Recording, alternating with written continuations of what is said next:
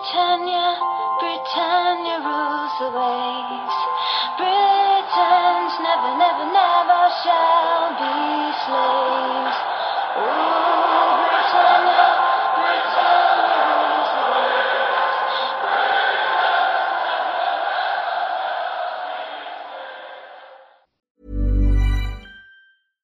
Sandra, and I'm just the professional your small business was looking for. But you didn't hire me because you didn't use LinkedIn jobs. LinkedIn has professionals you can't find anywhere else, including those who aren't actively looking for a new job but might be open to the perfect role, like me.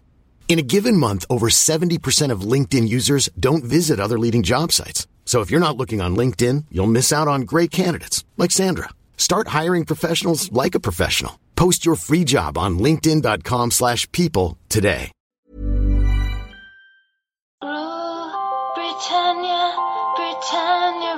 The waves. Britain's never, never, never shall be slaves. Ooh, Britannia.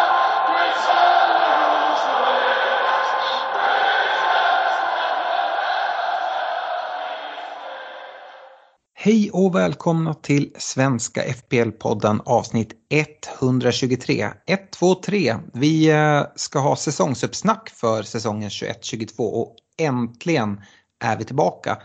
Det har varit tyst ett tag och jag vet inte hur, hur ni känner men för min del har det varit skönt med en liten paus här. Jag körde inte någon EM-fantasy eller så och Eh, behövde den här pausen för att hitta nya tag då det var en väldigt speciell säsong förra säsongen. Men nu är vi tillbaka och eh, får för att sätta hela podden i kontext så kan vi väl säga att vi spelar in fredag den 30 juli och eh, normalt sett, ni som inte har lyssnat tidigare på podden så brukar vi vara tre personer. Det är jag, Alexander Silversten, det är Stefan Knutsson och det är Fredrik Norrström. Stefan kunde inte vara med idag men eh, Fredrik, du är med mig. Hur är läget? Ja, men det är bra och nu, eh, nu är vi laddade. Känner här och sitter och liksom studsar. Nu, nu är vi redo. Vad säger du? Ja, men du studsar så mycket så du inte ens kunde hålla dig borta från eh, EM-fantasyn. Nej, men om du och Stefan, ni, drog, ni slog av motorn liksom och fällde baksätet och jag lät mer liksom motorn gå på, gå på tomgång där liksom för att vara redo att eh, lägga i ettan och gasa iväg när det väl är dags. Och, och nu är det dags. Ja, men härligt. Mm, Hur, eh, hur gick eh, EM-fantasy då? Får man fråga det? ja, Eller ska det vi prata fråga. tyst om det? Nej, men det var väl så här. Jag vet inte vad overall rank landade på 37 000 eller någonting av 3 miljoner. Jag vet inte hur många spelare det var. Ja. Men, men ja, det är så få omgångar så det blir lite mer man brukar alltid prata om att eh, FPL, är liksom, alltså Fantasy Premier League är ju ett, ett eh, maraton och inte ett sprintlopp. Och EM det är ju mer liksom ett sprintlopp på steroider. Det är ju Ben Johnson liksom, med eh, 2000-talets epidoping. Ja. De Så som inte har lyssnat så kan man väl säga det. Jag har spelat Fantasy Premier League i, jag tror jag går in i min 14 eller 15 säsong nu. Stefan har spelat till och med en säsong mer än mig. Eh, och du har ju också spelat mycket, eh, Fredrik. Mm, inte lika länge som er, men- eh, ett, ett antal år har det blivit. Liksom, så det, man har ju sett lite olika ändringar och så. så att, ja, men det, det är kul att det drar igång igen. Mm. Vi har tidigare säsong haft ett poddlag som man har kunnat följa en del. Nytt för i år är att vi kommer följa våra privata lag, alltså våra tre privata lag lite mer och det här poddlaget kommer inte att existera. Vi vinkar hej då till det. Eh, det har varit ett kul projekt som jag och Stefan har haft tillsammans eh, och eh, valt lag och sådär. Däremot kommer vi ha ett avsnitt där vi tar ut lag eller där vi presenterar våra egna tankar kring våra lag. Så att det kommer, men det kommer komma, det är det sista avsnittet innan allting drar igång. Eh, idag tänkte jag att vi skulle ha ett allmänt uppsnack kring eh, säsongen som kommer. Och, Ehm, jag tänkte inleda det med att vi pratar lite om våra partners och våra ligor som finns. Det är ju, vi har ju två ligor. Vi har en eh, gratisliga med jättefina priser. Jag kommer till det inom kort. Och sen har vi en betalliga tillsammans med vår partner Glenn Sportsbar som är jag tycker att den är jätterolig att vara med i och man har chans att vinna sent på säsongen även om man har inlett lite dåligt. Så att om det är någonting så vi kommer prata mer om den också. Vi kommer även ha lite allmänna tankar kring säsongen här. Eh, lite tankar som jag har som jag vill bolla med dig Fredrik. För vi har inte haft så mycket kontakt här om, om fantasy nu under sommaren. Nej, men vi har sparat den nu så att vi verkligen ska liksom kunna ja, fnula lite på, på egen kammare och eh, stöta blöta det nu tillsammans. Ja, men precis. Eh, vi ska prata lite kort strategi kring chips. Vi kommer prata om vilka lag som har bra respektive dåliga spelscheman, lite tankar kring formationer och så vidare. Eh, tankar kring spelare och vilka spelare vi tror som allra mest på och lite mindre på. Det är inte helt omöjligt att vi kanske kommer glida in i det i det här avsnittet som kommer vara lite mer öppet och sådär.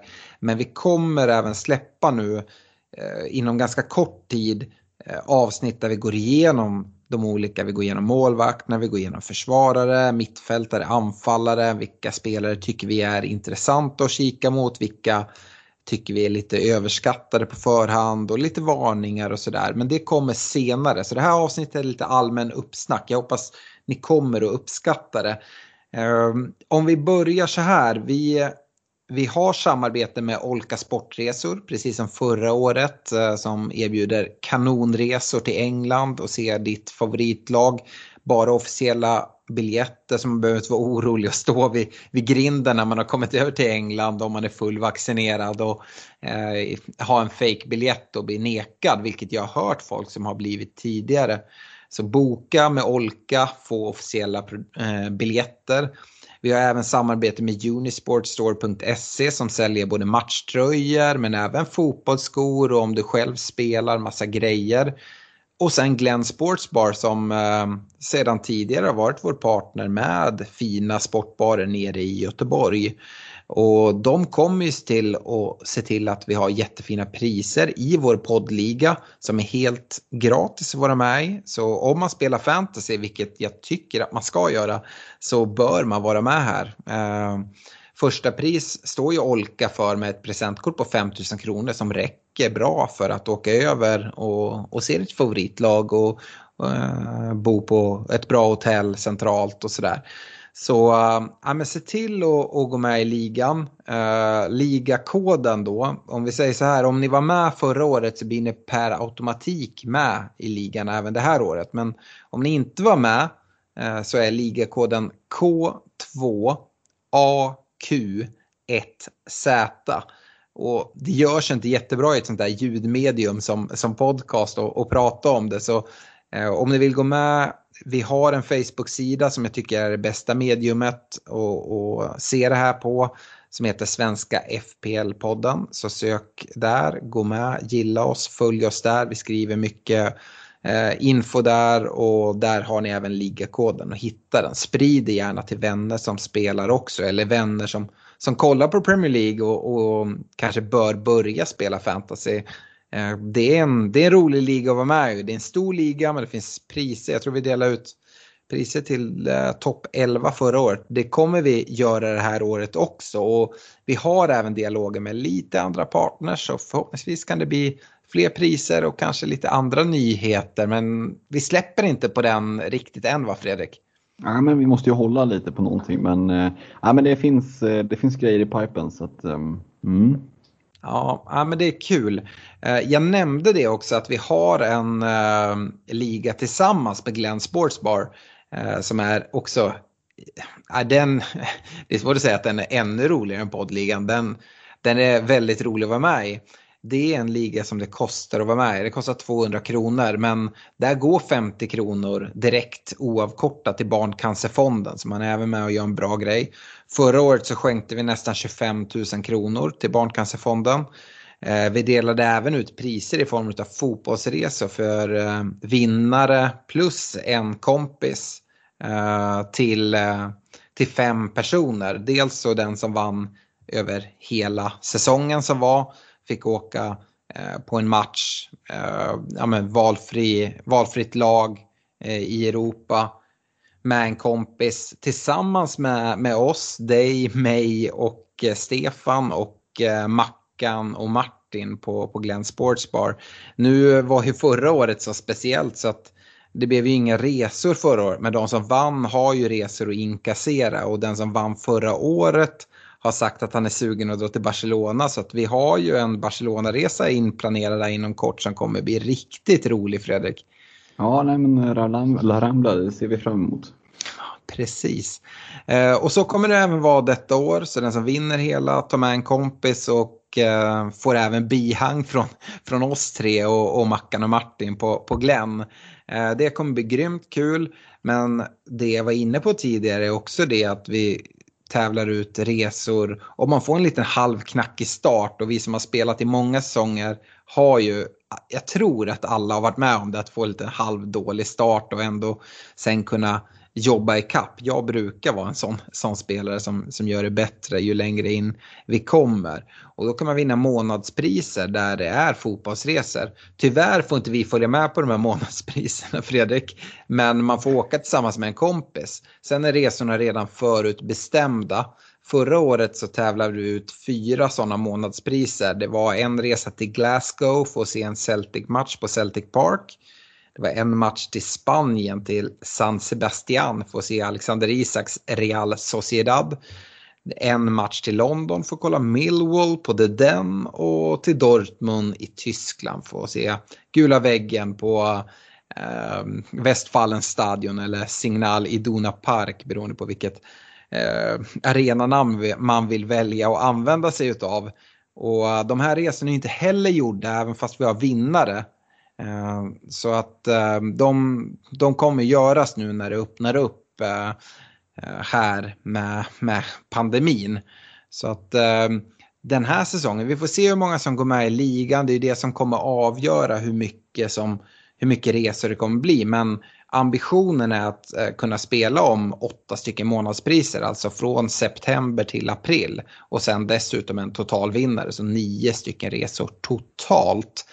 Utöver det så är det även i den här ligan veckopriser från, både Glenn Sportsbar och Olka Sportresor. Så äh, jag tycker absolut att man ska gå med i den här och gärna sprida den vidare. Ju fler vi blir desto fler resor kommer det vara att tävla ut. Och, äh, riktigt grymt. Jag, jag kommer definitivt vara med i ligan. Äh, och hoppas kunna plocka hem någon sån här riktigt fin resa. Jag vet att Eh, att Martin på Glenn har eh, gjort någon omröstning. Vart vill ni ha resor någonstans? Eh, och precis, eh, många av eh, medlemmarna i, i ligan förra året, precis som mig, älskar ju Istanbul. Att kunna åka på något Istanbul-derby eller, eller motsvarande. Så eh, vi får se exakt vart resorna går och hur många det blir. Men eh, bra kommer det att bli, det är jag helt övertygad om. Och eh, om man vill vara med i, i den här ligan eh, så gör man också bra att följa oss på Facebook så kommer man få mer information om det. Men eh, enkelt sagt så swishar man 200 kronor till ett nummer som finns på Facebook-sida. Eh, det är 123 3567 138 och så glömmer man inte att skriva sitt lagnamn där. Eh, ligakoden för, för ligan är 4WD 4AI. Vi kommer skriva all den här informationen på vår Facebook-sida, Svenska FBL-podden. Och den finns även då på, på Glenn-sidan där man också kan gå med som heter Glenn Fantasy Premier League eller Glenn Fantasy PL. Uh, eh, och där godkänner vi er medverkan. Det är klart man kan gå med där men om man inte har swishat in och sånt så kommer man inte bli tillåten att vara med i, i ligan. Så det krävs ju de här 200 kronorna. Men det är väl investerade pengar. Eh, och eh, Fredrik, du var ju med i Glenligan förra året. Visst är det kul att kunna vara med så här och ha något att spela om varje vecka? Ja, nej, men det är grymt. Alltså, mm. Just kombinationen av att det är så bra priser, det är kontinuerliga priser under hela säsongen och du bidrar till en bra sak i Barncancerfonden. För mig är det en no-brainer att vara med. Mm. Ja, men härligt. Eh, nu har vi kört väldigt mycket snack om eh, våra två ligor, både Glenligan som är en betalliga och vår poddliga som är helt kostnadsfri men med jättefina priser. Vi, eh, nytt för i år är även att vi har startat en Patreon. Vi har ju fått frågor från lyssnare tidigare om har någon Patreon, vi vill, vill gärna stödja er eller sådär och det har vi inte haft. Men Fredrik, du har lite bättre koll på det där och vi har faktiskt startat upp en, en Patreon precis nu. Ja, men vi har ju det. Eh, och våran tanke med, med, med den här Patreon, det är ju inte att börja låsa eh, massa poddmaterial bakom eh, någon betalsida, utan vår tanke är att poddarna vi gör, de ska finnas tillgängliga för alla gratis. Men precis som du nämnde, möjligheten att kunna stödja oss finns numera och via den här smarta funktionen på Patreon. Så det man gör om man vill stötta oss, tycker att vi ja, men, gör en bra podd, då går man in på patreon.com svenska FPL. Och då kommer man in på vår sida och då där ser man att det finns tre olika nivåer eh, som man kan välja att bli Patreon på.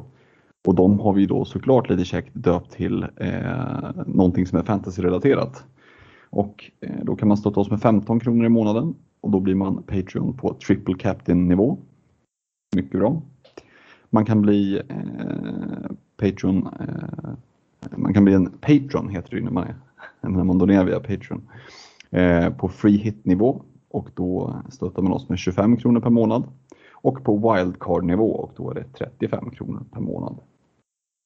Ja, nej, men jag som är eh, snart 40 år och inte så, så elektronisk av mig eh, vet ju knappt vad Patreon är. När, när första lyssnaren skrev till mig och frågade har ni Patreon? Då var jag tvungen att googla och se vad, vad är det här för någonting? kan, kan du berätta vad det är Fredrik?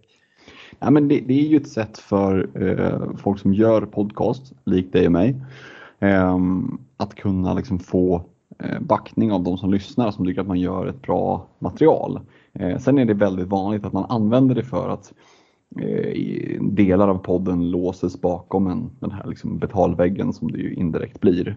Men som sagt, vår tanke är att podden ska fortfarande finnas tillgänglig i liksom fullt format utan eh, Patreon möjligheten finns för den som helt enkelt vill, eh, eh, vill stötta oss. Sen kan det vara så att det kommer andra grejer med Patreon-medlemskapet men just eh, själva poddarna ska ändå finnas tillgängliga.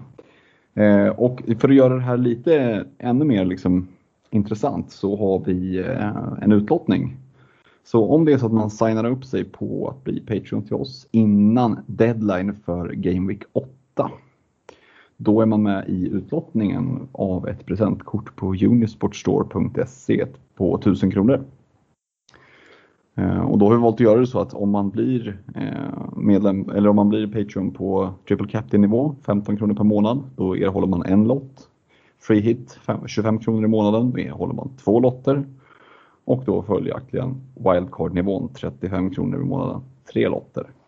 Så eh, efter deadline Game Week 8 så drar vi en lycklig vinnare som ja, kan shoppa loss på unisportstore.se för 1000 kronor. Köpa en matchtröja eller fotbollsskor eller vad man nu vill ha. Eh, jag tycker det är jättekul och Eh, som sagt vi lägger ner ganska mycket tid eh, och vi gör inte det här på något sätt för, för att tjäna pengar. Det finns eh, mycket saker man skulle kunna göra med de här timmarna för att tjäna bättre pengar än, än, än det vi gör. Vi tjänar ju absolut ingenting och de sponsorer vi har de, de kickar egentligen in med med priser till, till podd, poddarna, så, till, till poddligan. Men eh, det här är ett sätt att stödja oss och vi är tacksamma för de som vill göra det. Jag tänker att vi ska köra helt öppet med den här utlottningen. Vi kör någon Facebook livesändning. Det har vi gjort mycket och någonting vi tänker utveckla ännu mer där vi gör utlottningen live och um, ja, dra lotten i livesändning. Jag tänker att det finns någon bra digital lösning för det och, och se vem det är som vinner helt enkelt. Så att eh, eh, anledningen till att vi har lagt det vid Game Week 8 deadlinen det är ju för att det är andra landslagsuppehållet här under 21-22.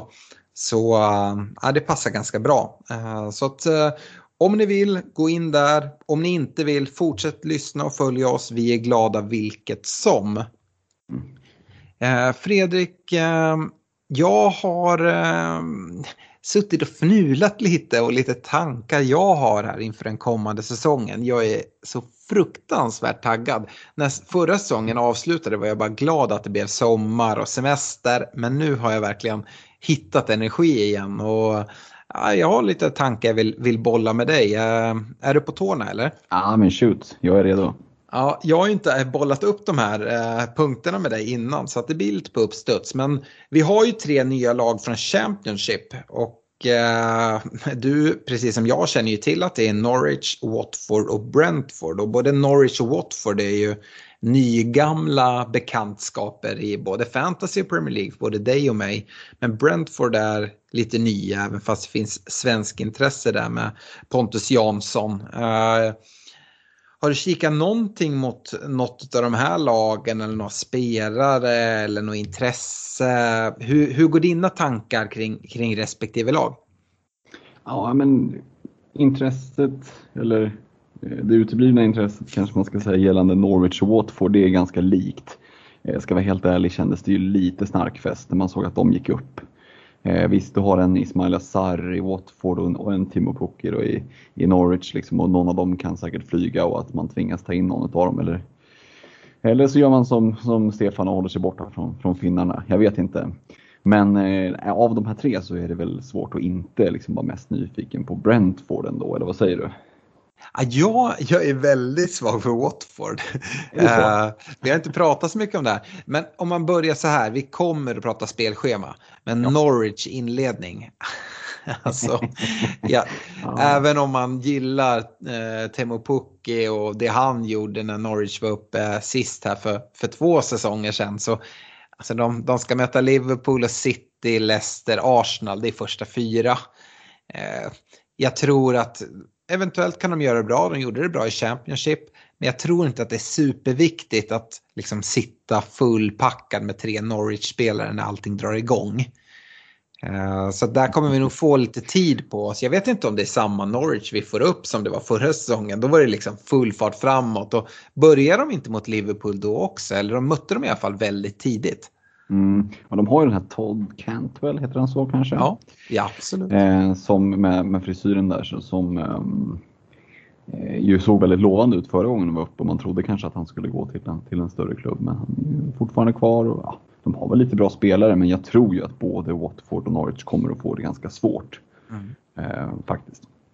Ja, Watford, jag vet inte, jag fastnar lite vid dem. Eh, jag tycker att de Eh, till skillnad från Norwich har ett ganska trevligt inledande spelschema. Och då kollar jag till, fram till eh, andra landslagsuppehållet. Eh, och kollar man de matcherna så av de tilltänkta topplagen så möter de Chelsea hemma i Game Week 3 och de möter City hemma i Game Week 7. I övrigt är det... Nej, nu säger jag fel. Jag kollar, jag kollar helt snett. Uh, Watford de möter däremot Tottenham borta i Game Week 3 mm. och Liverpool Eh, Eh, hemma i Game Week 8. Eh, men i övrigt så är det ett rätt trevligt spelschema. Och eh, dels har jag kollat på målvaktssidan i, i Watford som är ett alternativ. Vi kommer ju att prata spelare mer närmare men det är svårt att göra sådana här avsnitt utan att gå in lite på spelare. Och de har ju den, för mig, lite legendariska eh, målvakten i eh, Ben Foster. Men han är väl andra keeper skulle jag tro. 4,0 Ja, prisad. än så länge. Bachmann ryktas väl till olika adresser där så vi får väl se vem det är som står eh, när premiären väl kommer. Men Fosters på 4,0 som en backup oavsett ser ju intressant ut. Ja, och jag stänger inte dörren från att dubbla Watford-keeprarna och liksom helt säkra sig på att ha Watfords eh, första målis i Bachmann och Foster. Så har man 8,5 Alltså väldigt lite pengar investerat på målvaktsposten. Eh, jag tror att man kommer dra ett, eh, ett första wildcard inom de här första 7-8 gameweeksen. Och då har de bra spelschema, de kommer få mycket skott emot sig. Ofta så är det ju så att de målvakter som tar flest poäng, det är ju de som får mycket skott och räddningspoäng. Och jag tror att eh, eh Watford-målvakterna kanske kan ligga rätt bra till. Och sen det här bra spelschemat som sagt. Eh, det enda som talar emot det är faktiskt att jag har hittat en, en försvarare som jag tror kan bli skulle kunna bli, tror vet jag inte, men skulle kunna bli en riktigt intressant spelare i Seralta. Eh, prisad mm. 4,5 och väldigt offensiv och kan spela lite out of position eh, och gå upp på, på mittfält, spela offensivt, ta en del poäng så. Ja, jag tycker de är intressanta. Sen nämnde ju du en gammal favoritspelare till mig, Ismail Azar. Mm. Eh, prisat 6,0 på mittfältet. Han är ju Premier League-proven. Han har gjort det väldigt bra när de var uppe sist. Och på något sätt var det lite förvånande för mig att han blev kvar i Watford Championship förra säsongen. Uh, för att det är en väldigt duktig spelare och det här gynnsamma spelschemat som sagt för Watford, de här inledande matcherna.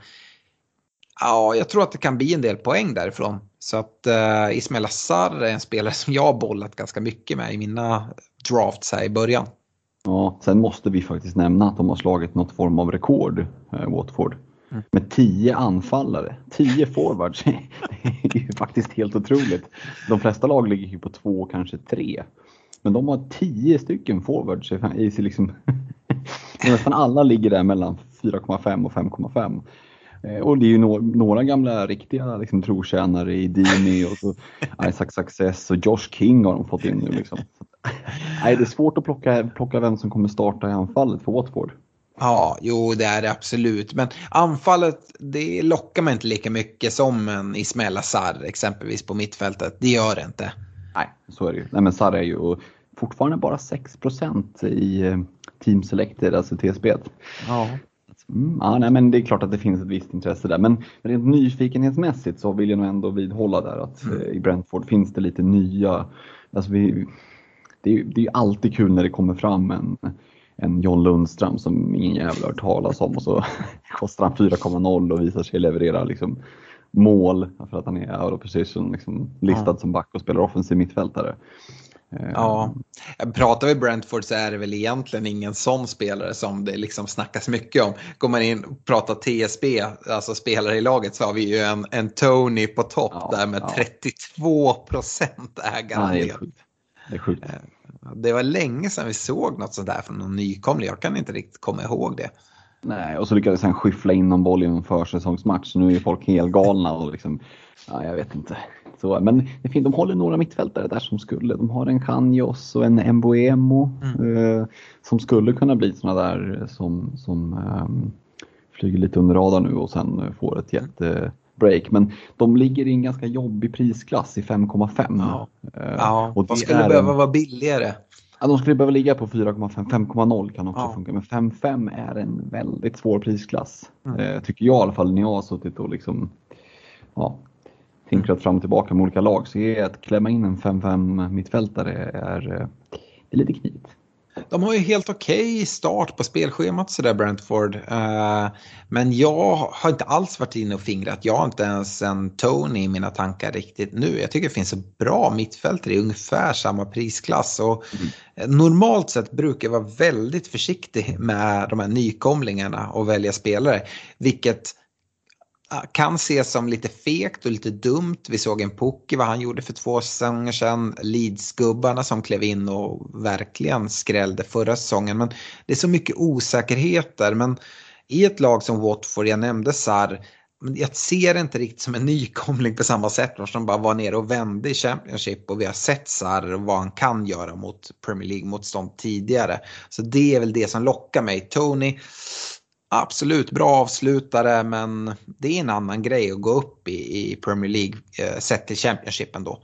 Mm. Men sen ska man också nämna det att gå utan eh, alltså spelare från de här tre nykomlingarna mm.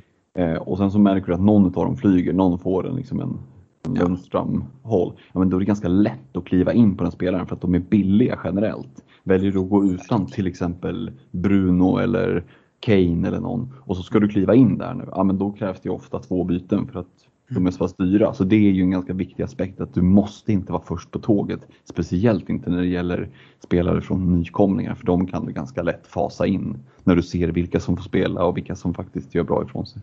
Verkligen, samtidigt om vi ser liksom en Tony som nu har en ägarandel på 32 procent. Vi får se vad den landar på när allting drar igång. Men skulle han inleda väldigt, väldigt bra så är det ju ett sätt att man halkar efter lite direkt.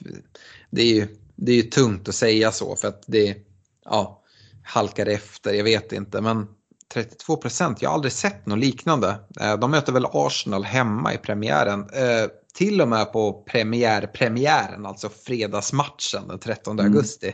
Mm. Uh, och Arsenal, ja, ja, jag vet inte. Det är inte en superenkel match även om det är en hemmamatch. Och att Stefan som hade varit med i podden här normalt sett och är Arsenal-supporter hade sagt att möter man Arsenal, ja men sätt binden på Tony. Han brukar ju vara ganska pessimistisk av sig. Men ja, jag vet inte. Att se. Jag, jag ser ju att eh, han kostar ju som du sa 6,5. Ja. Vad gäller anfallarna 7,5 finns det ju liksom en guldgruva och, och då kan du växla ner till Tony om du märker att han liksom flyger. Eh, däremot om han inte flyger och en ägarandel på 32% och folk börjar fly som råttorna från skeppet. Mm. Då kommer han att tappa i pris ganska snabbt. Och då blir det svårare att hitta, för kollar du under 6,5 så är det svårt att hitta en, en anfallare som spelar. Mm. Ja, vi kommer ju prata... Vi, vi, halkar in på anfallarna men det är ju... Ja. Ja. Det kommer komma ett separat avsnitt där vi bara pratar anfallare och då kommer Tony definitivt vara med. Vi kommer även prata andra Brentford-spelare när vi pratar om andra lagdelarna, både målvakter, försvarare, mittfältare, anfallare. Så um, ja, eh, det kommer. Eh, jag tänkte även gå vidare på eh, en ny punkt, som, en tanke som jag har. Och eh, Fredrik, hur mycket tänker du? Du nämnde de här eh, toppspelarna, liksom Bruno. Jag tror inte att du nämnde Sala, Liverpool-support som det är och kanske vill skriva ner förväntningarna. med Kane, alla de här gubbarna. Hur eh, tänker du kopplat till hur formen såg ut liksom, avslutningsvis här förra säsongen och hur de ska bära sig in i förra? Exempelvis Bruno hade väl inte ett en superfin avslutning även fast han tog jättemycket poäng. Dessutom hade han ett ganska tufft EM. Är det någonting som liksom gnager i dig?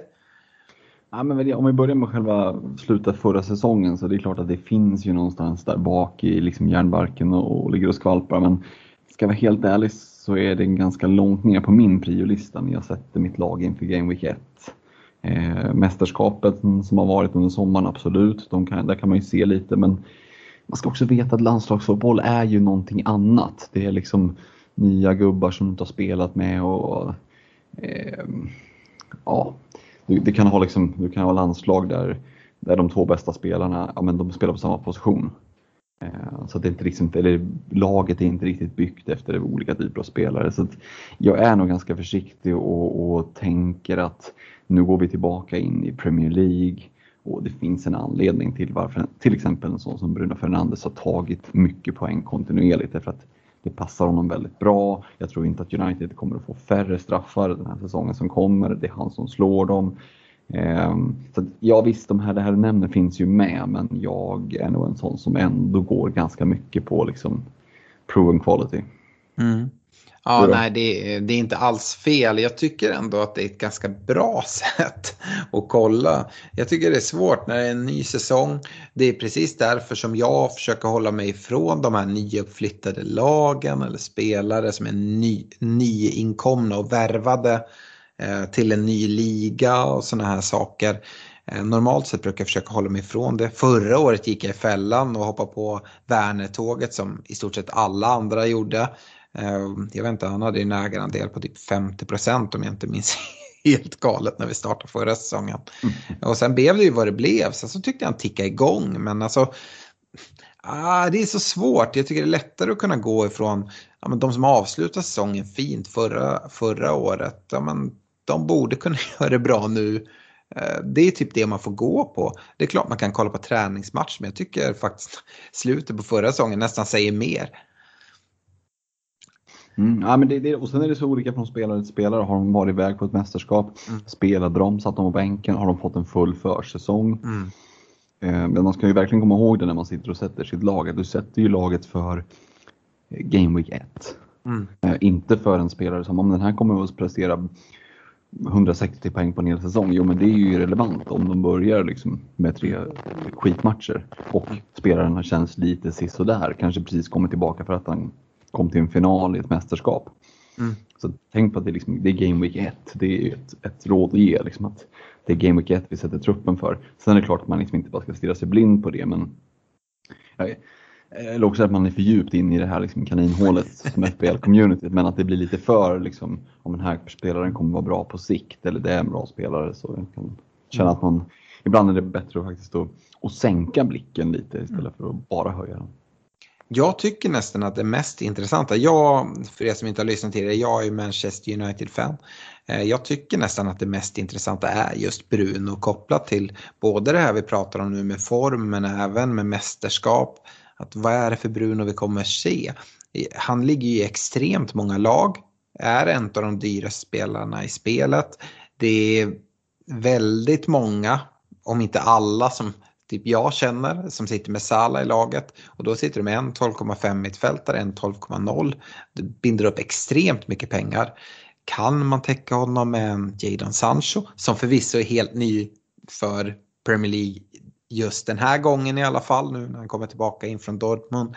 Uh, Ja, alltså, jag är inte helt säker, man måste sitta med Bruno. Samtidigt är ju det en spelare som kan straffa en enormt. Jag tror att mycket kommer att avgöras där. Vi kommer prata mer om det i, i kommande avsnitt. Men det är en, liksom en så här riktig... Jag tror att det kommer vara en, en dealbreaker lite på hur bra start man får. Om man vågar gå utanför Bruno eller om man tar risken och åker på en rejäl propp här i början. Mm. Mm. Um, jag tycker att det är intressant att prata om mästerskap för nu pratar vi EM men det har även varit ett Copa America, alltså Sydamerikas motsvarighet på EM och dessutom just nu uh, spelas OS det är inte supermånga spelare men exempelvis en Richarlison, han spelar Copa America med Brasilien och spelar även OS nu. Jag vet inte exakt vilka andra spelare det är det rör men de kommer tillbaka sent. Även om det, spelar, om det gick långt i EM, exempelvis England som, som eh, vi alla vet eh, kom till final och eh, torskade den mot Italien och det är mycket mycket Premier League-spelare i Englands eh, e EM-trupp som kommer tillbaka sent från semester. Kommer de starta? Vissa har dragit sig med lite skador. Hur resonerar du kring de här mästerskapsspelarna? Mm, det är lite smålurigt. Jag vet förra, det var förra eller förra, förra säsongen då man kände så här, ja men jag då som följer Liverpool nära, liksom att i träningsmatcherna eller försäsongsmatcherna innan så, så var det bara fjunisar och sen när man stod där Game Week 1, ja men då var det samma gamla elva som man är van vid. Eh, vi får väl se om det är liksom lite så i, i år igen. Men nu, som du nämner med Copa America där så var det ju Brasilien och Argentina i finalen. Och mm. I Brasilien som bara där har du en Alisson, en Fabinho, en Firmino. Det är ganska mycket spelare och kan man säga, ja det kanske inte är de hetaste fantasy-tillgångarna men om du tar som för Liverpools del så är det, liksom, det är ju ryggraden mer eller mindre rakt genom laget så det är klart att det påverkar. Um, så att, ja, Eh, vi får väl se. Nu tror jag att de ska vara tillbaka med två veckors marginal och på två veckor så, så hinner de ju komma igång. Sen är ju grejen att de inte har haft en ordentlig försäsong. Mm. Så jag tror ju risken snarare kanske är större att den kommer att straffa sig in på säsongen med skador än att de kanske inte spelar i Game Week 1. Mm. Eller byts ut tidigt. Eh, jag vet en, eh, det är så lätt att gå till sitt eget lag eh, och jag och United, Luke Shaw spelade EM med brutna revben, gjorde det såklart väldigt bra men hur ser det ut för honom? Nu, nu skadar sig hans liksom, konkurrent i Alex Tejes också så han kommer missa så kommer han kunna komma till spel där eller vem ska spela ute till vänster i United? Ja, det är det är svårt. Jag tror mycket av det här är sånt som man kommer få avvakta ganska långt in på eh, Game Week 1 och se om vi kan få några tydliga svar. Men eh, det är någonting värt att ta med sig innan man planerar eh, sitt, sitt, lag för att starta säsongen 21-22. Mm. Eh, en annan sak som jag funderar på, hur ser du på det här? För, förra säsongen så var det den här coviden som följde med. Eventuellt kan den även påverka den här säsongen med deltavirus och sådana här saker. Eh, det kommer ju vara publik på läktaren i alla fall när de startar igång här. Jag kommer vara på plats på Uniteds premiär mot Leeds om inte allting skiter sig. Jag fick min, min andra spruta här Eh, i, eh, igår. Så jag hoppas eh, verkligen kunna vara på plats. Jag har matchbiljett och resan bokad. Men eh, hur, hur ser du det kopplat till är det lika viktigt att ha en riktigt stark bänk som det var förra året? Eller ska man satsa på att kasta in pengarna i, i startelvan? Hur resonerar du där? För att, eh, som sagt, man brukar ofta dra ganska tidigt wildcard. Då kanske man inte ska ha massa pengar på bänken. Men ja, någon startspelare. Hur, hur resonerar du? Ja, men ska jag vara helt ärlig så tänker jag liksom att eh, jag utgår ju nästan från att de här spelarna är vaccinerade nu i alla fall. Att de, eh, så att de kan spela matcherna. Eh, sen om det, hur mycket publik det kommer att vara och förhoppningsvis får vi fulla läktare. Liksom, men om, det, om vi ser någon, någon setback där då, det, då är det väl så. Men jag tänker nog ändå att spel, att liksom, spelet kommer att genomföras, matcherna kommer att spelas till väldigt stor del så som det är. Eh, det är det som jag ändå kommer att utgå ifrån. Jag kommer inte att ta höjd för något worst case scenario. I alla fall inte initialt så här om vi inte får några indikationer på att det blir värre. Utan det finns ganska gott om startspelare som kostar 4,5 miljoner som man kan ha på bänken. Eh, det är, det är i alla fall min tanke. Jag vet inte hur tänker du kring det? Jag är också där, jag vill, jag vill, jag brukar normalt ha en väldigt stark bänk. Jag tror jag vann pris inom pengarliga förra säsongen för att ha mest poäng på bänken. Och det kommer jag säkert göra den här säsongen också, för jag vill ha startande spelare på bänken. Kanske inte eh, liksom massa pengar investerat. Men som du är inne på, det finns ju startande spelare, till och med bra startande spelare på 4,5 nivå. Eh, så att jag tycker att man kan offra sig och ha det snarare än ha icke-startande 4,0 försvarare eller icke-startande 4,5 anfallare eller mittfältare. Ehm, så att nej, jag kommer inte lägga massa pengar på en bänk. Däremot kommer jag ha en bänk som, som kommer variera lite. Där jag kanske kommer ha någon 4,5 i startelvan samtidigt som jag har en 4,5 på bänken som lite beroende på spelschema kommer variera när när de spelar. Det, det, kommer komma mer information om det här i senare avsnitt när vi pratar uttagning utav lag. Men framförallt i försvarsleden finns det ju jätteintressanta 4,5 alternativ. Mm. Uh, så det är, väl, det är väl så jag tänker kring det. Jag tror inte att det kommer vara lika viktigt med en, en stark bänk uh, den här säsongen som det har varit tidigare. Och det är väl egentligen en återgång till hur, hur det har varit i FBL tidigare. Och som sagt, jag tror att de allra flesta kommer dra sitt första wildcard innan de första åtta gameweeksen. Och då känns det lite korkat att ha en liksom, bänk där man har pengar investerat allt för mycket. Ja. Ehm, vi pratar ju även lite kort om publik på läktaren. Är det någonting du tycker vi behöver gå in på? Är det någonting som du tror kommer ha någon större påverkan? Jag vet att Liverpool hade lite sämre hemmafacit. Var det på grund av publiken eller var det på grund av de skadorna i framförallt de defensiva leden? Det var nog säkert en, en kombination men, mm. nej, men jag tror att publik tillbaka kommer att gynna de stora lagen.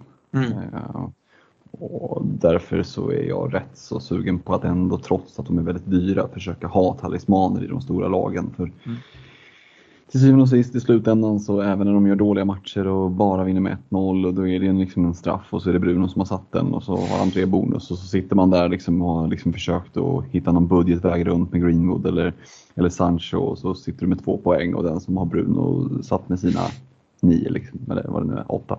Mm, och en bindel eh, på det. Och en bindel på det liksom. Mm. Så, nej men skämt åsido, det, det är lite så kan jag känna att det, jag tror inte att det är negativt för de här eh, talismanspelarna att det liksom är, är fullt tryck på läktarna och de spelar ju i lag som har väldigt stort stöd både borta och hemma. Så att, eh, storlagen tror jag kommer känna på det. Mm. Eh, det som händer ofta när man startar upp de här säsongerna det är att eh, priserna varierar ganska snabbt. Att vissa stiger. Det handlar inte om att stiga jättemycket men däremot har du dragit din totala budget Eh, Eh, så om någon ökar 0,1 då kan du inte byta in den och göra ett byte om du inte har pengarna för det. Hur resonerar du kring det här? Jag vet att många tidigare har pratat om att kanske ha lite pengar kvar på banken i sitt lag. Är det någonting som du tycker att du själv har råd med eller hur, hur har du sett på det? Mm, jag har suttit med några sådana här liksom, drafts i laget och försökt att liksom spara 0,5 men jag, vet inte, jag landar hela tiden i att jag kan förbättra laget och liksom tro på min investering. Ehm, och i den bästa av världar så gör man inga byten efter inför liksom Game Week 2 utan sitter med två fria inför Game Week 3. Ehm, så att, nej, jag kommer med största sannolikhet ändå liksom gå för det. Ehm, och, och, och klämma iväg hela hundringen. Hur, mm. tänker du?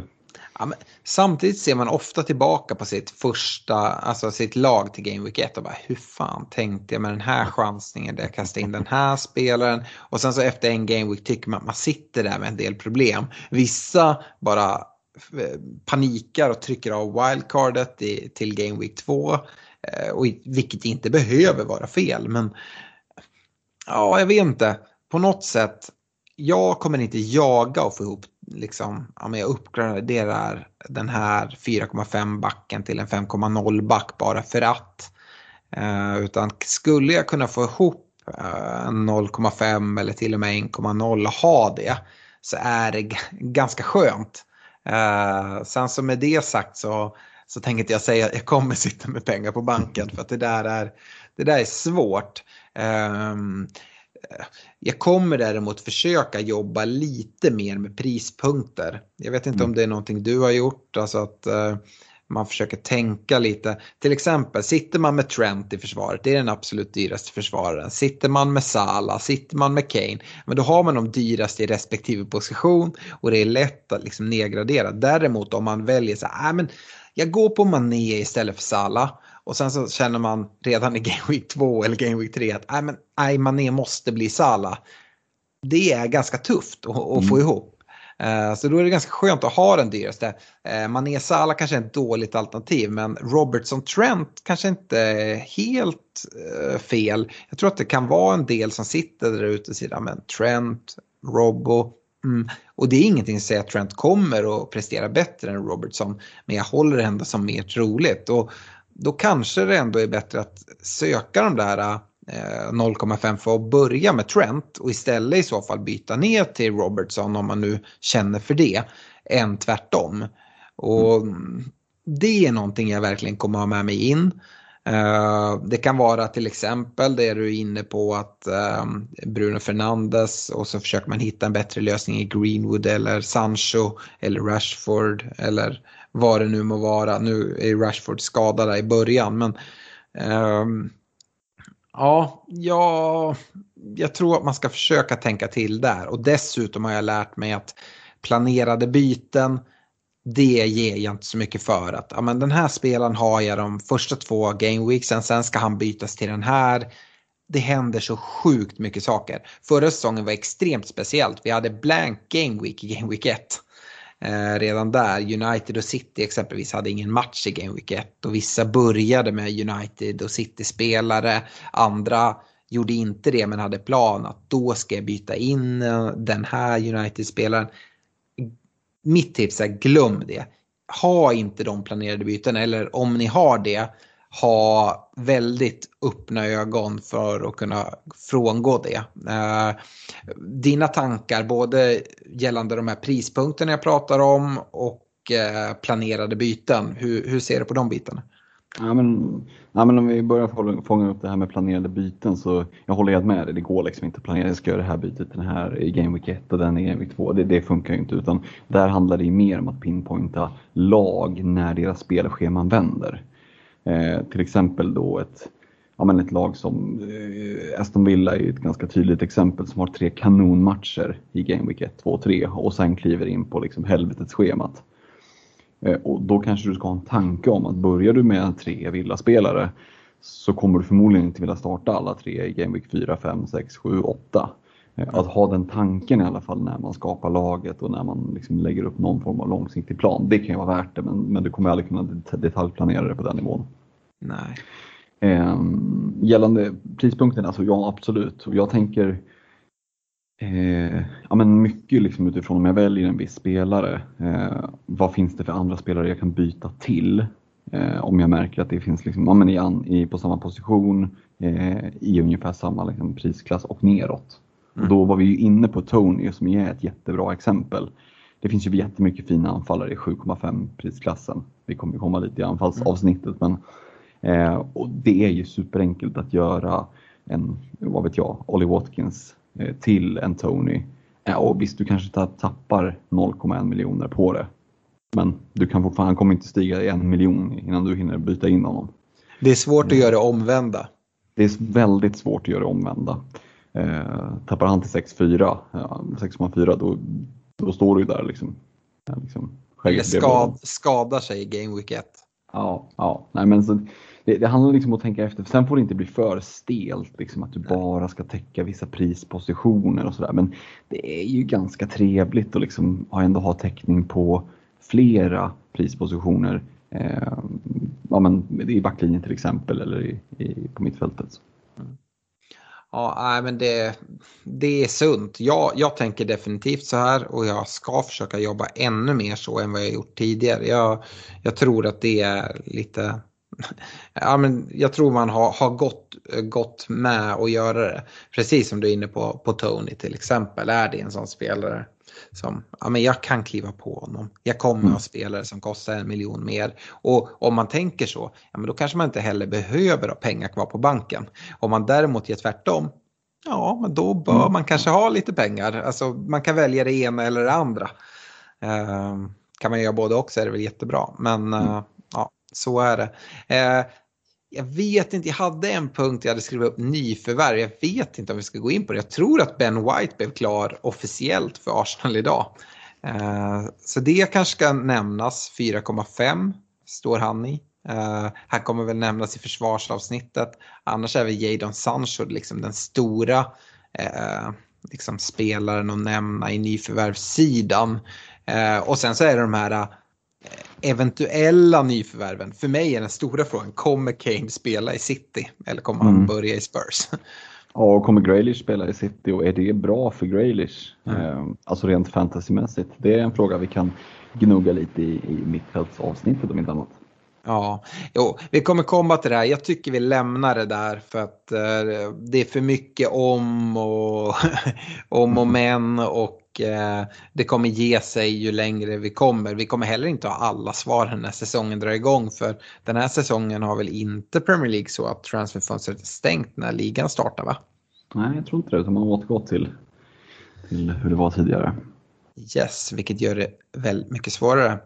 Det var egentligen de här, tankarna som jag ville bolla upp lite så. Sen så sa jag det att vi skulle prata lite chipstrategi och det är ju, det känns ju väldigt liksom, långsiktigt och titta fram väldigt långt.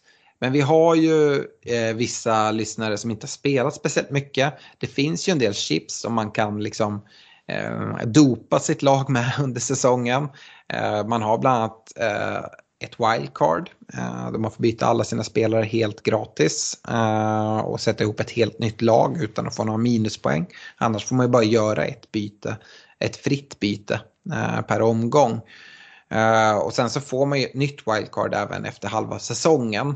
Uh, det är väl det jag tycker vi kan prata mest om. Övriga chips är ju en benchboost och även dina bänkspelares poäng räkna med. Du har en free hit och du får ändra hela ditt lag men bara för en omgång och sen återgår det till det du hade innan. Och så har vi triple captain då din kapten inte får dubbla utan trippla poäng.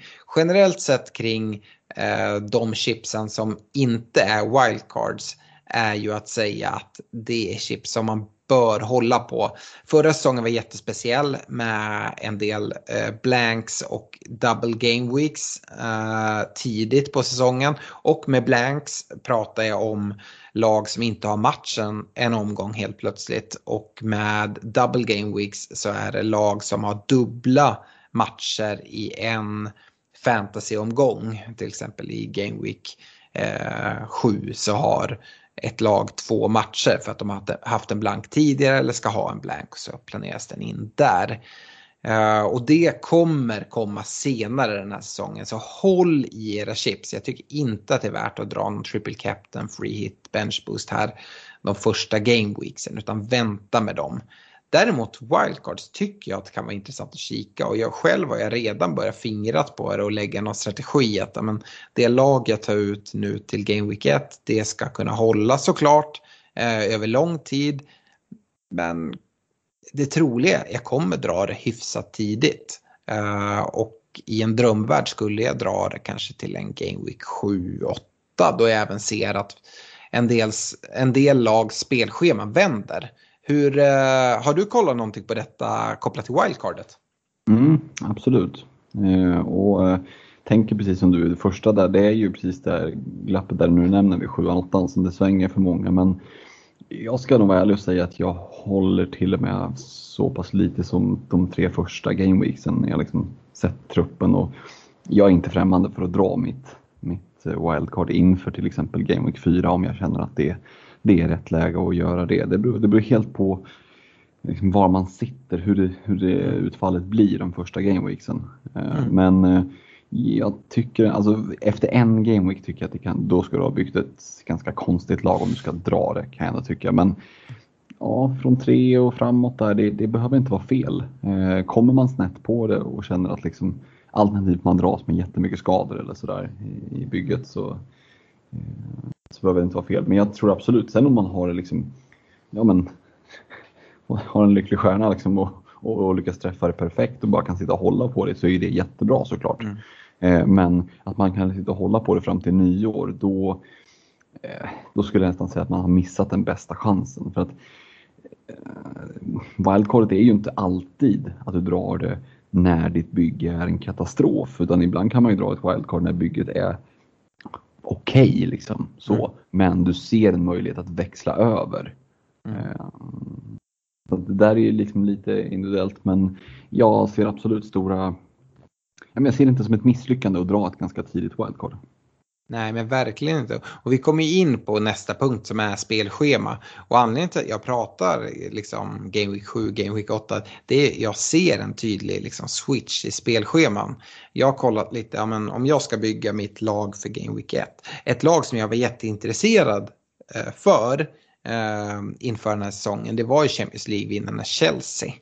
Men de har ganska tuff eh, start. Däremot så vänder den ju alltså något helt dramatiskt efter eh, ja, Game Week 6 möter de City. Mm. Därefter så vänder det ordentligt. Och då liksom in, om man ska starta med, med Chelsea-spelare, de vann ju Champions League. Ja, visst, de har Crystal Palace i första gameweeken, vilket är en drömmatch. Eh, sen är det Arsenal-Liverpool borta, det är Villa hemma, det är Tottenham borta, det är City hemma. Det är deras sex första. Jag är inte jättesäker, jag vill sitta med liksom Havertz, Werner, eh, någon försvarare i Chelsea när man drar igång allt. Även om det såklart kan bli en jättebra game week 1 mot, mot Palace. Men eh, ja, däremot efter game week 6, ja, men då är spelschemat sinnessjukt bra. Eh, de har Southampton, Brentford, Norwich, eh, Newcastle efter varandra. Eh, bara för att liksom, dra ett exempel. Efter det så kommer Burnley. Alltså, vi kan fortsätta. Eh, Ja, och fördelen med det är att man kommer liksom få se Chelsea lite, hur ser de ut? Men jag tror inte att de har blivit jättemycket sämre. Då Torshäll har fått lite tid med dem, de har fått en försäsong. Vi får se vad som händer på transferfönstret. Det har ju ryktats en del, lite till höger och vänster. Um, ja, jag följer verkligen det. Uh, dessutom City, ja men det är också ett sånt lag. Man kanske inte ska kolla så mycket på deras spelschema för oavsett vilket lag de möter så Eh, är de typ favoriter. Eh, men de inleder mot Tottenham borta och de har liksom en del tuffa matcher. De ska möta både Chelsea och Liverpool borta innan Game Week 8 och sådär. Eh, och sen så vet man ju det som är det stora problemet med, med City. det är ju deras, deras rotation och det Pep sysslar med där. Så därför är det också svårt. Men ja, då kanske man får lite mer svar. Uh, så jag kommer nog inte börja med speciellt mycket City-spelare, även om jag liksom tror att det kan vara bra att hitta rätt där. Uh, det är anledningen till att jag kikar. Om man i övrigt kollar på startschemat, uh, du har varit inne på Aston Villa, men de har ju jättefina tre inledande matcher och sen blir det tufft. Uh, tvärtom så har ju Wolves, Arsenal och Leeds ganska fina matcher efter Game Week 3. Om man annars kollar de här, det jag pratar som för mig det optimala eh, wildcard-läget, där 7-8, då har vi Brighton, vi har Watford, nykomlingen som jag pratade upp lite, som har fina matcher.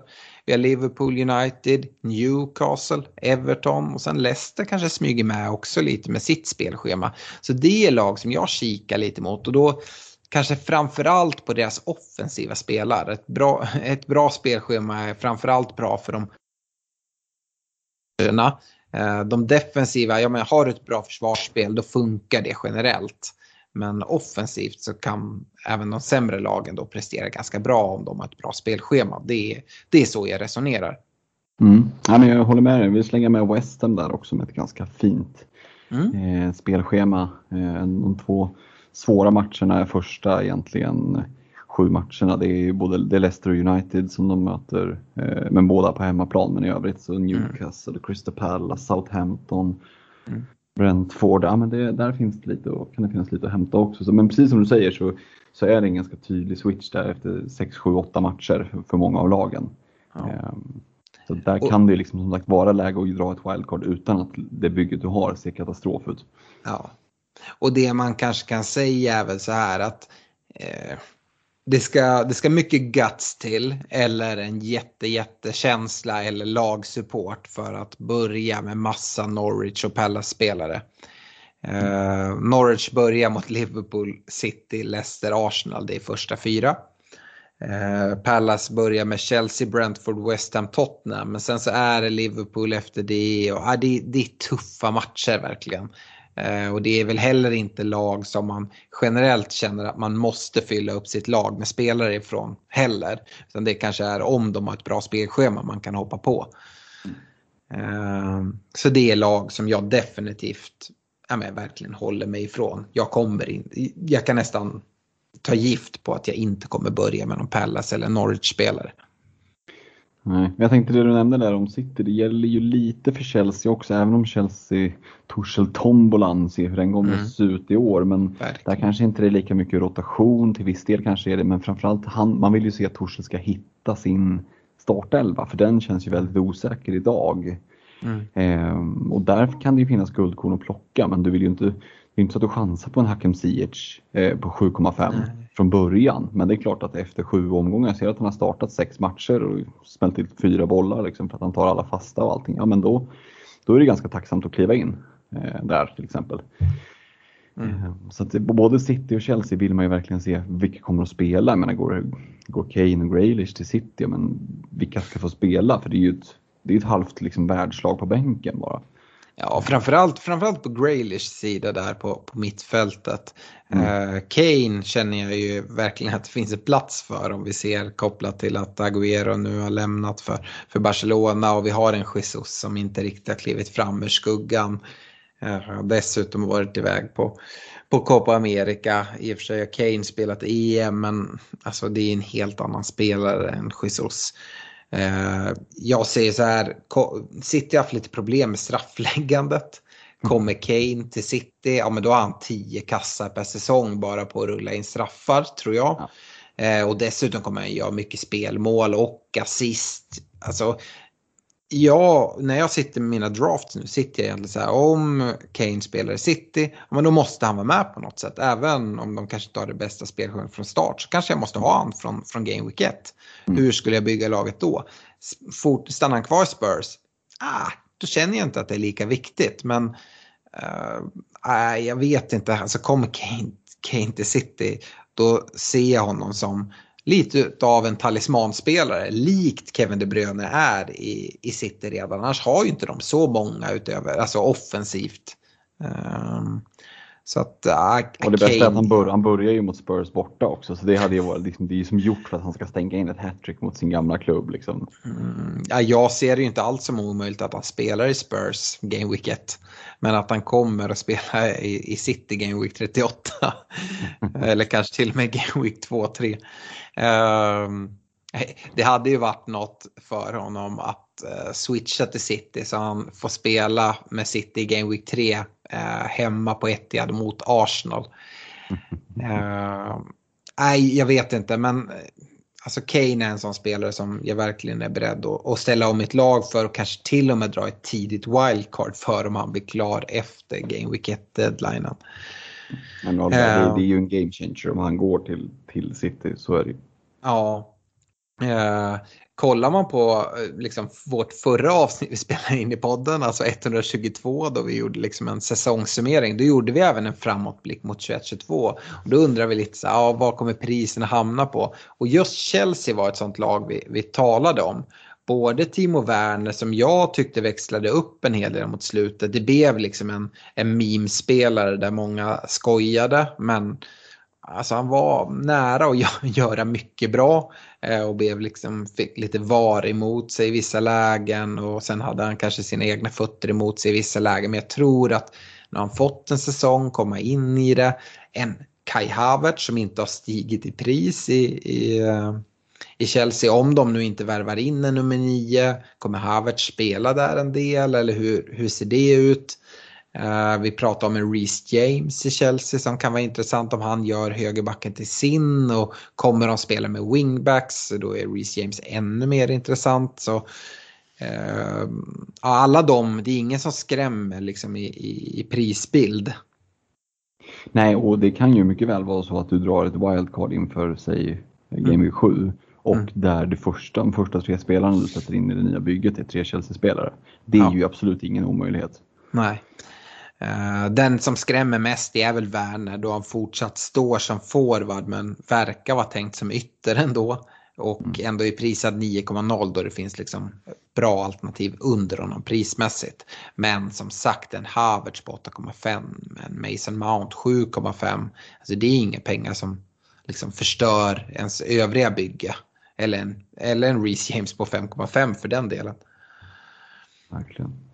Uh, en annan spelare som vi var intresserade av det var ju Trent. Han ligger väl prisad precis som förra året på 7,5. Mm. Uh, du som är Liverpool-supporter, vad, vad säger du om Trent? Är det den första spelaren du, du tryckte in i ditt lag då han inte heller spelade EM utan har fått lite vila här och en ordentlig försäsong och så? Ja, det passar bra. Han förlängde ju, fick precis idag i talande stund här, så en timme innan vi började spela in, att han har skrivit på ett nytt kontrakt nu också. Mm. Eh, vilket ju är passande. Så att, nej men så är det. Det är den första spelaren in. Mm. Eh, för 7,5 så är det liksom den potentialen han har, trots att det finns fina mittfältare på 7,5, grymma anfallare på 7,5 så är Trent den med högst, liksom, högst tak för min del. Eh, I och med att han har ett så oerhört stort eh, hot framåt. Och nu om van Dijk är tillbaka, vi har ett monster till i Konaté som är värvad.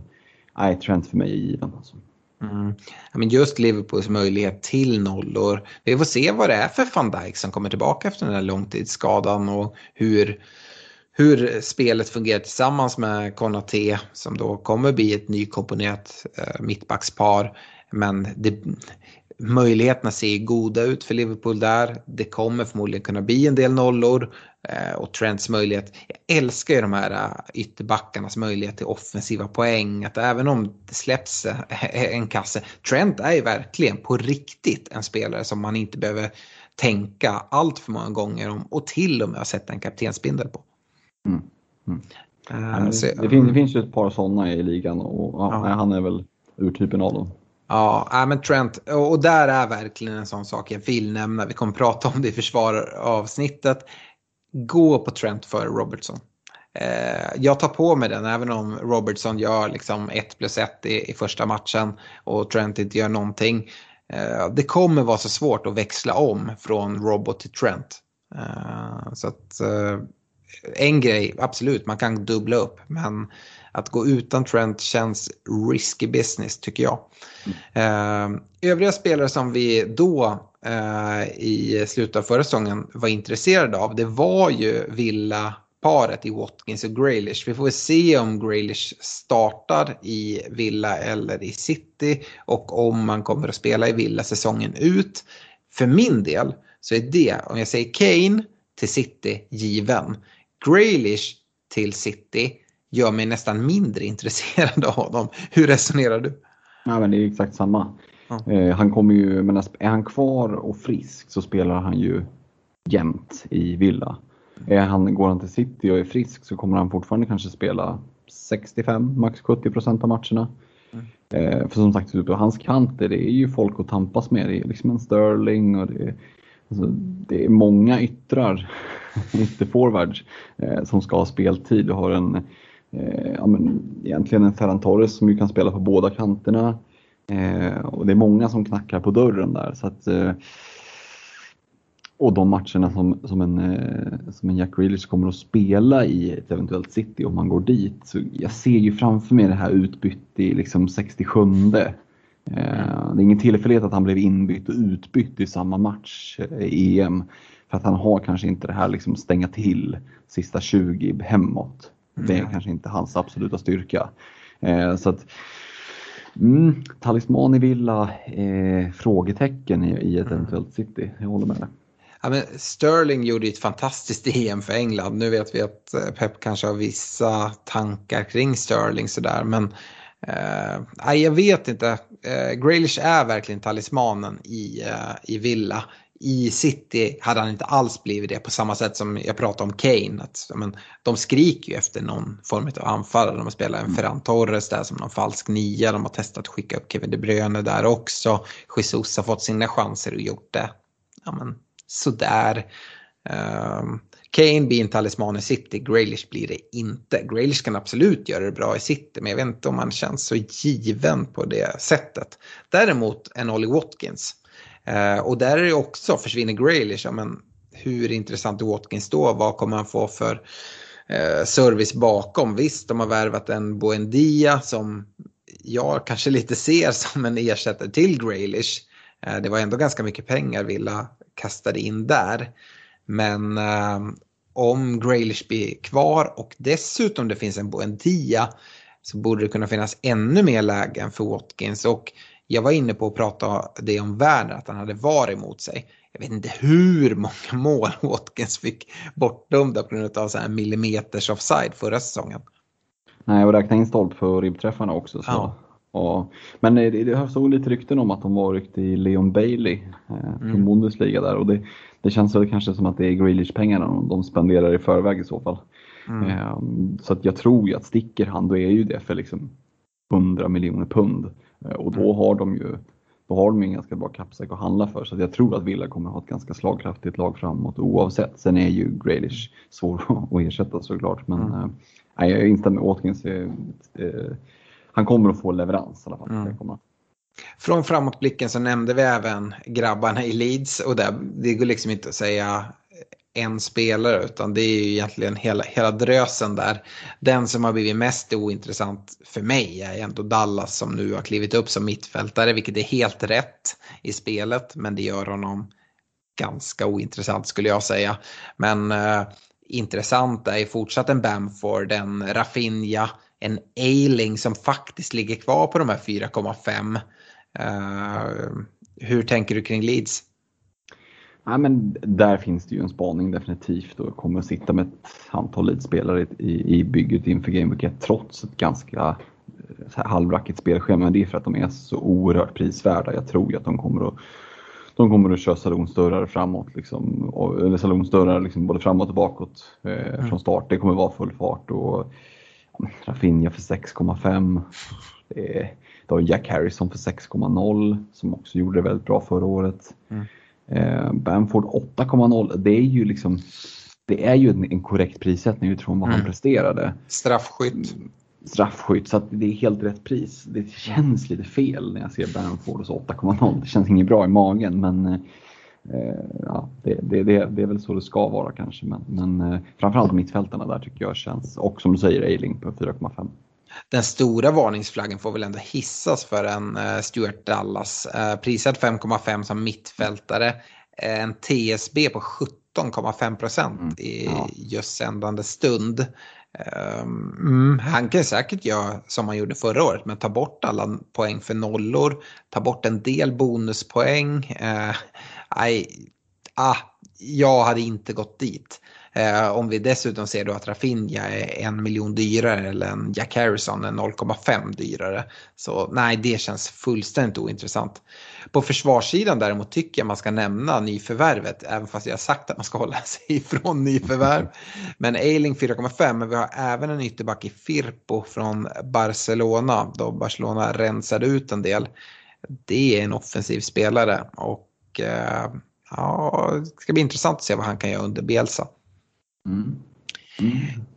Eh, avslutningsvis på framåtblicken då som vi gjorde eh, i slutet förra säsongen så, så kollar vi på en kille som hade en helt sjuk avslutning förra säsongen. Jag gissar att du har koll på att det är Ian Natch i Leicester vi pratar om då.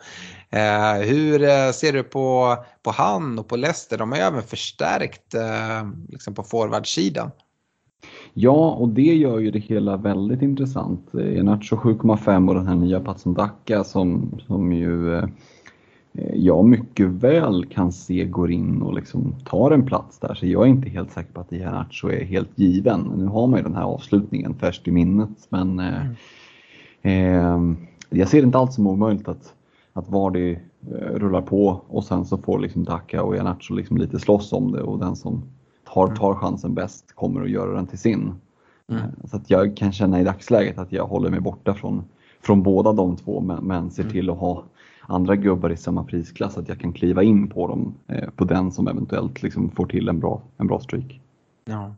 Jag, är så, ja, jag har inte varit och fingrat någonting på Leicester-gubbarna, vilket jag kanske lite skäms över. Kanske Madison är den närmsta jag varit på och eventuellt också eh, en Fofana. Men som jag kanske eh, tycker eh, pratas lite för mycket om i, i fantasykretsar. För jag är inte säker att han kommer starta. Vi får väl se om de spelar en eh, tre eller fyrbackslinje. Men eh, eh, ja, nej, jag vet inte. Jag tycker det är svårt med Leicester. Eh, jag, jag tänkte säga det att jag, jag kan ju prata hur mycket fantasy som helst. Det här är ju redan ett väldigt långt avsnitt. Men innan vi ska avsluta så tänkte jag att vi skulle prata formationer. Eh, man pratar ju ofta eh, att man inte vill lägga så mycket pengar på bänken. Så även om du tar ut 15 spelare så är det ju i de 11 startspelen du vill ha, ha pengarna investerade. Och redan där har man ju någon tanke om hur många försvarare man ska starta, hur många mittfältare, anfallare. Man måste ju minst spela med tre försvarare. Eh, Man måste minst ha en anfallare i spel.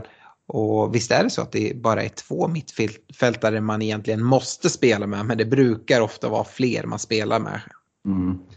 Eh, så här, no- normalt sett så är det ofta en liksom, mittfältare får ju en hel del poäng och sådär. Man ofta går på en 3-5-2 eller en eh, 3-4-3.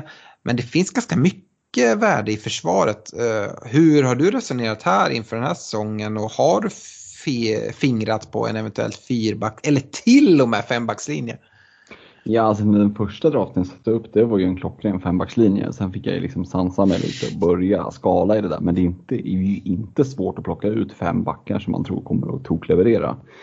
Ehm, men en, liksom, när man har lugnat sig lite där och börjat fingrat runt lite så, så har väl jag landat i att det står mellan två olika formationer för min del i, om man ser till Game Week 1. Eh, och det är 4-3-3 och 4-4-2. Mm.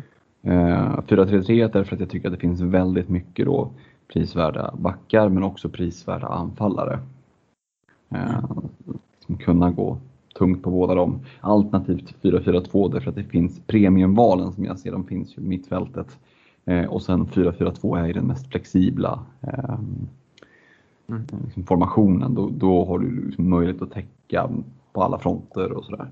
Mm. Men eh, nej, just nu så är det en 4-3-3 som sitter där och det är ju, mm, ja, det är kanske inte vad jag hade tänkt mig innan men det är lite där vi är just nu. Du då, har du, är det trebackslinjen som gäller eller? Alltså, jag kommer ju ha fem startande försvarare. Det är jag rätt säker på. Jag kommer nog inte ha någon komma- 4,0. Vi får väl se vad som händer. Det brukar ju så här på försäsong kunna dyka upp någon 4,0 försvarare som, eh, som eventuellt kan starta och sådär. Då kanske det kan vara intressant som en, en eh, femte eller en, en tredje eh, bänkspelare. Det får vi se, det ska jag inte utesluta. Men det finns så många intressanta 4,5 alternativ som man kan rotera bra och sådär. Eh, Så att i vissa matcher kanske jag kommer spela med fyra eller sällan jag kommer spela med fem försvarare tror jag. Men den möjligheten kommer finnas.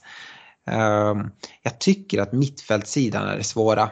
Eh, jag är ganska säker på att jag kommer ha tre startande forwards. Alltså jag kommer vilja spela med tre anfallare. Så frågan är för mig är egentligen om jag ska spela med, med tre eller fyra eh, mittfältare. Eh, det kommer nog vara frågan för mig. Eh, men som sagt, de där tankarna kan ju slå som kull imorgon. Och som sagt, kommer en Eh, Kommer en Kane in till City då kommer jag liksom behöva ställa om allting. Därför har jag redan börjat fingrat på att jag låtsas att Kane är, jag har en ljusblå tröja på sig jag ska ha in honom. Ehm, så ja, men eh, det mest intressanta kanske är jag håller på och fingrar i de allra flesta lag utan Bruno Fernandes trots att jag är en United-supporter och en eh, ja, Bruno-älskare såklart men jag fingrar ganska mycket på det eh, i de lag jag sitter med. Och dessutom kommer jag vara på plats på Old Trafford på premiären om allt vill sig väl. Jag är fortfarande liksom försiktig med, med att nämna det. Men eh, det känns eh, det känns läskigt. Samtidigt tycker jag det finns för mycket osäkerhet kring Bruno. Eh, men jag spar den diskussionen till vårt mittfältsavsnitt. För då, kan jag, då kanske jag kan få en kvarts utläggning kring, kring Bruno. Mm, ja, nej, men det, det, finns ju mer att, att grotta i där, helt klart. Ja, vi, vi ska nog stänga uh, den här podden och tacka för de som har stått ut och lyssnat eh, hela, hela poddavsnittet för att det blev väldigt långt. Men jag uppmanar än en gång om att om ni inte redan gör det, gilla oss på Facebook. Där följer ni oss allra bäst. Eh, Svenska FPL-podden heter vi där. Vi har ett Twitterkonto. Eh, ni får jättegärna följa oss där också. Vi kommer köra en del Facebook livesändningar. Jag hoppas att det kan bli några där vi kan svara på, på era frågor, frågor inför uttagningar och sådana här saker. Men generellt sett mitt svar är gå på din egen magkänsla. Eh, men vi kan även ha resonemang kring, kring spelare. Men det kommer också komma i våra ordinarie avsnitt här nu inför då vi pratar, går igenom varje eh, ja, men varje, varje position där vi pratar ett avsnitt bara målvakter som är lite kortare såklart, ett avsnitt bara försvarare, mittfältare, forwards och sådär. Eh, men även kunna svara på era frågor såklart i våra eh, sen avsnitt som kommer under säsongen så öppnar vi alltid upp för lyssnarfrågor eh, men även kör genomgångar och tips och tricks och vad vi tror på. Uh, ska också säga det, jättekul om ni känner att ni vill kliva på eh, Patreon-grejen, chans att vinna presentkort 1000 kronor på Unisport Store. Sök på svenska FPL eh, på Patreon och, och stötta vårt arbete där. Och eh, jättekul om ni även eh, går med i betalligan. Glenn Fantasy PL heter vi på Facebook och där finns all information. Vi kommer även lägga upp den på vår eh, Svenska FBL-poddens eh, Facebook-sida, info om, om den gruppen. Eh, har jag missat någonting där Fredrik eller ska vi tacka för oss och eh, gå och lägga oss? Klockan är ganska mycket. Ja, nej, men jag tror vi gör så. Sen så återkommer vi inom kort med eh, lite snack om eh, målvakter blir det först va? Ja, men jag tycker det. Mm. Gött. Grymt! Eh, stort tack för idag Fredrik och eh, vi hoppas ha med oss Stefan här framöver också då han får, får köta på. Det är den eh, stora eh, statistiken utav oss. Precis, det blir bra att återkomma där till när det blir, blir dags att grotta ner sig i positionerna. Precis. Ja, men grymt. tack för att ni har lyssnat och på återhörande. Ha det gott, ciao!